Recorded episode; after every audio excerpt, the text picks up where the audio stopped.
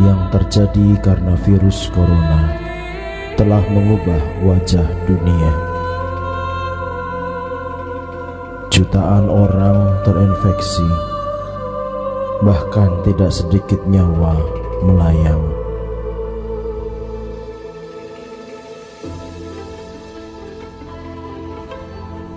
Para medik berjuang bertaruh nyawa di garda depan. Tatanan baru terpaksa diterapkan.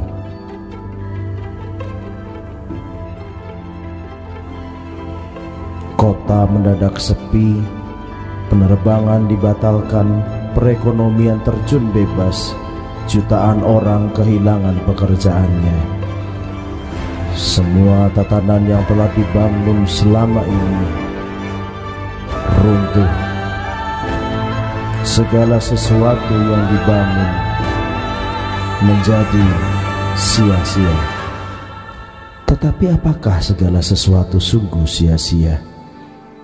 Tidakkah ada lagi harapan untuk kita, untuk dunia, dan masa depan bersama? Sungguhkah yang tersisa hanya kesia-siaan belaka? Kitab pengkhotbah adalah satu kitab di dalam Alkitab yang bicara tentang kesia-siaan. Setiap Kamis pagi kita akan belajar dari kitab pengkhotbah bersama saya Pendeta Adon Syukmana.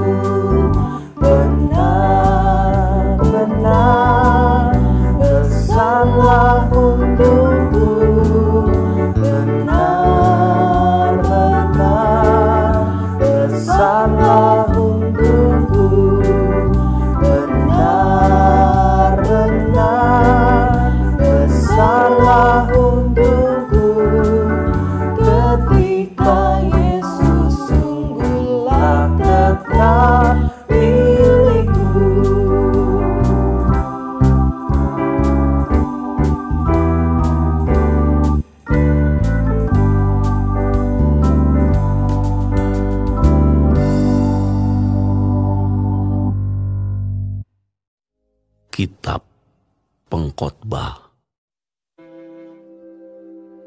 Aku berkata dalam hati, Mari, aku hendak menguji kegirangan. Nikmatilah kesenangan. Tetapi lihat, juga itu pun sia-sia.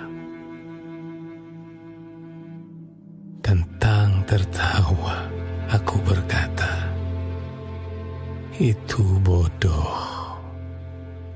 Dan mengenai kegirangan, apa gunanya?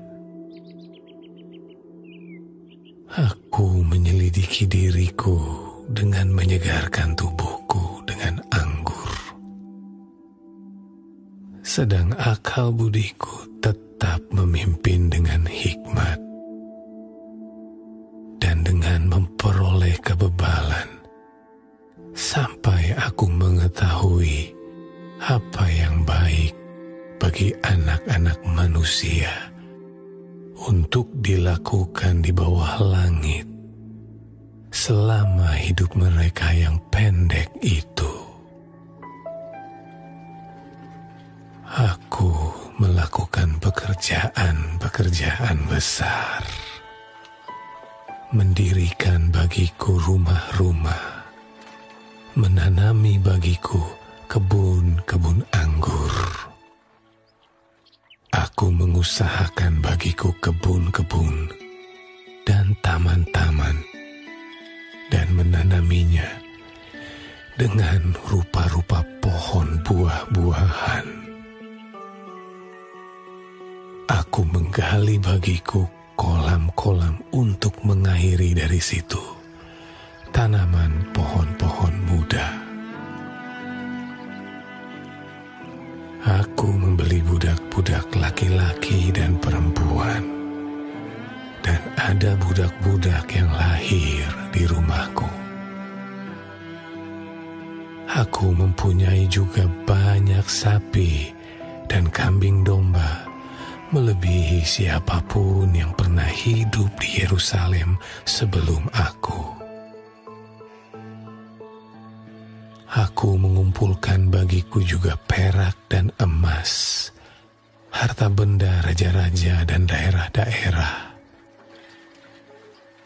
Aku mencari bagiku biduan-biduan dan biduanita-biduanita, dan yang menyenangkan anak-anak manusia, yakni banyak gundik. Dengan demikian aku menjadi besar bahkan lebih besar daripada siapa pun yang pernah hidup di Yerusalem sebelum aku. Dalam pada itu, hikmatku tinggal tetap padaku. Aku tidak merintangi mataku dari apa pun yang dikehendakinya. Dan aku tidak menahan hatiku dari sukacita apa pun sebab hatiku bersuka cita karena segala jerih payahku. Itulah buah segala jerih payahku. Ketika aku meneliti segala pekerjaan yang telah dilakukan tanganku, dan segala usaha yang telah kulakukan untuk itu dengan jerih payah, Lihatlah, segala sesuatu adalah kesia-siaan dan usaha menjaring angin. Memang tak ada keuntungan di bawah matahari. Lalu aku berpaling untuk meninjau hikmat, kebodohan, dan kebebalan Sebab apa yang dapat dilakukan orang yang menggantikan raja? Hanya apa yang telah dilakukan orang. Dan aku melihat bahwa hikmat melebihi kebodohan, seperti terang melebihi kegelapan. Mata orang berhikmat ada di kepalanya sedangkan orang yang bodoh berjalan dalam kegelapan. Tetapi aku tahu juga bahwa nasib yang sama menimpa mereka semua.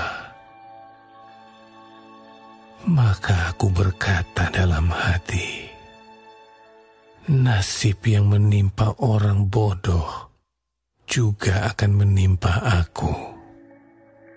Untuk apa aku ini dulu begitu berhikmat? Lalu aku berkata dalam hati bahwa ini pun sia-sia. Karena tidak ada kenang-kenangan yang kekal, baik dari orang yang berhikmat maupun dari orang yang bodoh. Sebab pada hari-hari yang akan datang, kesemuanya sudah lama dilupakan. Dan orang yang berhikmat mati juga seperti orang yang bodoh. Oleh sebab itu, aku membenci hidup karena aku menganggap menyusahkan apa yang dilakukan di bawah matahari. Sebab segala sesuatu adalah kesia-siaan dan usaha menjaring angin. Aku membenci segala usaha yang kulakukan dengan jerih payah di bawah matahari. Sebab aku harus meninggalkannya kepada orang yang datang sesudah aku. Dan siapakah yang mengetahui apakah orang itu berhikmat atau bodoh? Meskipun demikian, ia akan berkuasa atas segala usaha yang kulakukan di bawah matahari dengan jerih payah dan dengan mempergunakan hikmat.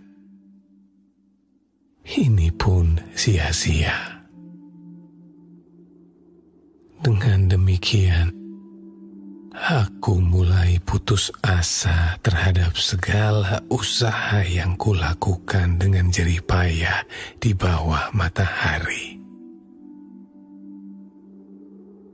Sebab kalau ada orang berlelah-lelah dengan hikmat, pengetahuan, dan kecakapan, maka ia harus meninggalkan bahagiannya kepada orang yang tidak berlelah-lelah untuk itu. Ini pun kesia-siaan dan kemalangan yang besar. Apakah faedahnya yang diperoleh manusia dari segala usaha yang dilakukannya dengan jerih payah di bawah matahari? Dan dari keinginan hatinya. Seluruh hidupnya penuh kesedihan dan pekerjaannya penuh kesusahan hati. Bahkan pada malam hari, hatinya tidak tentram. Ini pun sia-sia. Ada yang lebih baik bagi manusia daripada makan dan minum dan bersenang-senang dalam jerih payahnya. Aku menyadari bahwa ini pun dari tangan Allah. Karena Siapa dapat makan dan merasakan kenikmatan di luar dia? Karena kepada orang yang dikenannya, ia mengeruniakan hikmat, pengetahuan, dan kesukaan. Tetapi orang berdosa ditugaskannya untuk menghimpun dan menimbun sesuatu yang kemudian harus diberikannya kepada orang yang dikenan Allah. Ini pun kesia-siaan dan usaha menjaring angin.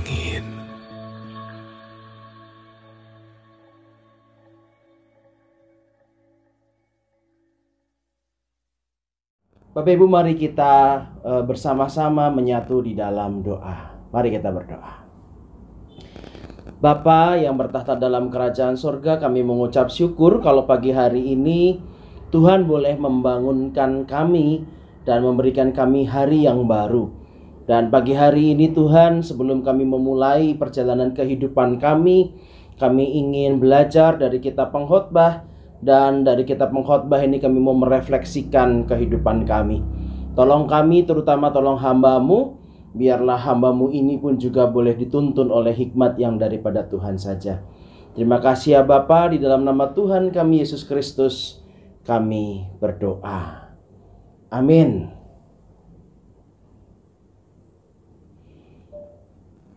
Bapak Ibu yang dikasih Tuhan, pagi hari ini kita memasuki renungan ketiga dari kitab Pengkhotbah Lembaga Alkitab Indonesia memberi judul pasal 2 ayat 1 sampai 26 ini dengan judul hikmat dan kebodohan adalah hal yang sia-sia. Bapak Ibu yang dikasih Tuhan, apa yang membuat manusia bisa hidup berbahagia?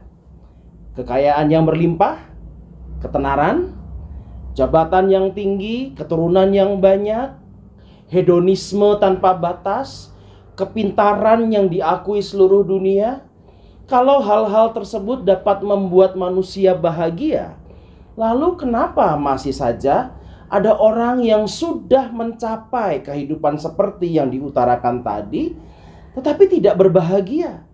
Kekayaannya sudah tidak lagi bisa diukur. Tenar, punya jabatan yang sangat tinggi, akan tetapi hidupnya terasa hampa tidak sedikit di antara mereka justru memilih bunuh diri. Apa yang terjadi dalam kehidupan ini? Ini justru membuat kita berpikir ulang. Ternyata kekayaan, jabatan, kenikmatan hidup, kepandaian, dan semua yang ada di seluruh dunia ini belum tentu dapat membuat hidup kita menjadi bahagia.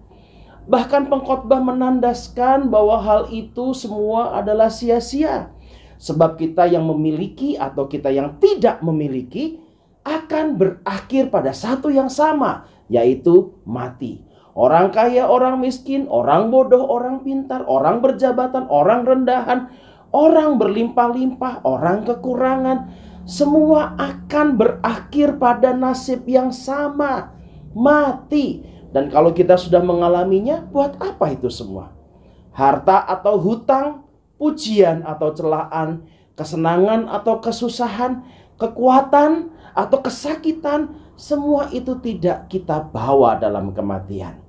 Lalu jika hal itu tidak kita bawa dalam kematian, apakah semuanya itu tidak penting untuk kita miliki? Lalu buat apa bekerja? Buat apa belajar? Buat apa membanting tulang? Buat apa berhikmat? Buat apa beribadah? Buat apa semuanya ini? Dan yang paling mendasar, buat apa hidup? Dengan mempertanyakan apa yang biasanya dikejar oleh manusia dalam kehidupan ini. Pengkhotbah tidak bermaksud supaya kita kemudian menyerahkan, melepaskan semuanya dan memilih kematian atau kehancuran. Sebagai contoh dalam bacaan kita misalnya, sekalipun pengkhotbah mengatakan bahwa orang yang berhikmat dan orang yang tidak berhikmat sama-sama mati, pengkhotbah tetap menegaskan bahwa orang yang berhikmat jauh lebih baik ketimbang orang yang tidak berhikmat. Ayat 14 mengatakan demikian. Mata orang berhikmat ada di kepalanya.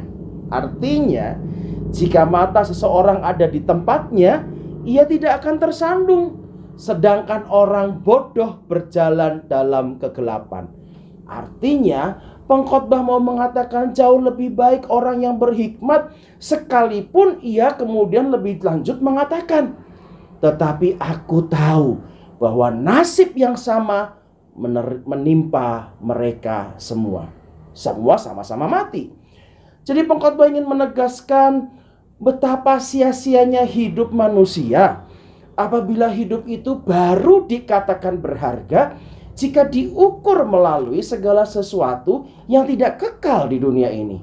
Baik harta, jabatan, kenikmatan hidup, kepandaian, hikmat, atau yang lainnya. Maka yang sudah memiliki dan membanggakan apa yang mereka miliki, pengkhotbah mengingatkan adalah kesia-siaan berpikir seperti itu. Sebaliknya mereka yang belum memiliki lalu menjadi susah hati berjuang sedemikian rupa supaya dia memiliki. Maka pengkhotbah mengingatkan hal itu juga adalah kesia-siaan. Karena pada akhirnya semuanya pada satu titik yang sama menuju kematian. Lalu bagaimana seharusnya kita hidup? Oh, bekerja itu harus. Belajar itu perlu. Mendapatkan kekayaan itu baik. Pandai dan berhikmat itu sangat berguna. Tetapi kita diingatkan bahwa semua itu bukan tujuan hidup kita.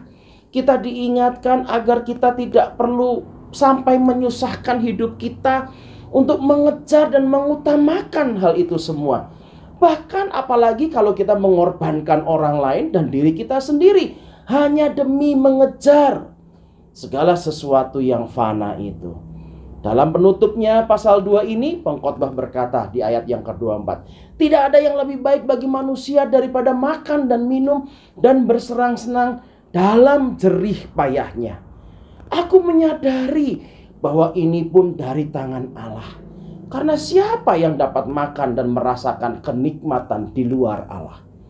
Karena kepada orang yang dikenannya, ia mengaruniakan hikmat, pengetahuan, dan kesukaan tetapi orang berdosa ditugaskan oleh Tuhan untuk menghimpun, menimbun sesuatu yang kemudian harus diberikan kepada orang yang diperkenan Allah. Ini pun kesia-siaan dan usaha menjaring angin. Pengkhotbah mengingatkan kepada kita, hal ternikmat dan terindah dalam hidup ini bukanlah berapa yang kita punya dan apa yang tidak kita punya, melainkan mensyukuri dan bergembira dari apa yang ada. Karena yang ada yang kita punya saat ini semuanya datang dari Allah. Apabila kita hidup hanya untuk mengejar apa yang tidak akan kita bawa dalam kematian kita, maka semuanya hanyalah usaha yang menjaring angin saja, sia-sia di atas kesia-siaan. Nikmatilah apa yang Tuhan telah berikan dengan penuh rasa syukur. Karena semuanya ini berasal dari Allah. Amin. Mari kita satu di dalam doa. Oh Tuhan kami sungguh mengucap syukur. Kalau pagi hari ini kami diingatkan. Mungkin Tuhan mengingatkan kami melalui peristiwa COVID-19 ini. Semua yang kami bangun kami banggakan. Ini usaha kami, ini kemampuan kami, ini kekuatan kami, kepandaian kami. Ternyata itu semua hancur luluh lantak. Ternyata kami harus membangun kembali segala sesuatu yang ada. Tetapi kami bersyukur, kami masih diingatkan bahwa ternyata kami ini rapuh. Dan karena begitu rapuhnya kami ya Tuhan, maka sudah seharusnya kami mawas diri. Kami tidak boleh membanggakan apa yang kami dapat, apa yang kami peroleh. Karena segala sesuatu yang kami peroleh datang dari Tuhan. Kami tidak boleh membanggakan karena segala sesuatunya itu tidak menuju dan tidak kami bawa kepada kekekalan. Ya Tuhan, terima kasih. Kalau saat ini kami sudah memiliki apa yang Tuhan berikan dan apa yang Tuhan berikan, biarlah kami terima dengan rasa gembira, rasa syukur, karena kami tidak mungkin bisa hidup sampai saat ini kalau bukan dari tangan Allah. Kami tidak bisa makan, kami tidak bisa minum, kami tidak bisa hidup, kami tidak bisa mengecap setiap kebaikan Tuhan dalam hari demi hari ke depan ini. Kalau bukan karena kebaikan Allah. Karena itu ya Tuhan, ajarkan kami untuk tidak mengeluh dalam kehidupan ini Ajarkan kami Tuhan untuk tidak berputus asa dalam kehidupan ini. Ajarkan kami juga Tuhan untuk tidak mengejar sampai bersusah payah mengorbankan banyak hal dalam kehidupan ini untuk mempertahankan segala sesuatu yang sia-sia. Berikan kami hikmat yang datang dari Tuhan dan dengan hikmat itu Tuhan Kami mau menjalani hidup ini dengan penuh syukur. Kami mau merayakan kehidupan ini dengan sungguh-sungguh bersuka cita. Karena apa yang kami miliki, apa yang ada, semuanya datang dari Tuhan. Terima kasih Bapa. Demi Kristus Yesus Tuhan kami, kami berdoa. Amin. Bapak Ibu yang dikasih Tuhan, demikianlah doa pagi kita. Jika Bapak Ibu terus mau mengikuti program atau doa pagi kita dengan seri pengkhotbah ini, sirap seri kita pengkhotbah. Silahkan Bapak Ibu boleh mengikutinya di minggu depan karena setiap hari Kamis kita akan membahas kitab pengkhotbah. Terima kasih. Tuhan memberkati dan selamat merayakan kehidupan karena apa yang kita miliki sungguh datang dari Tuhan. Tuhan berkati.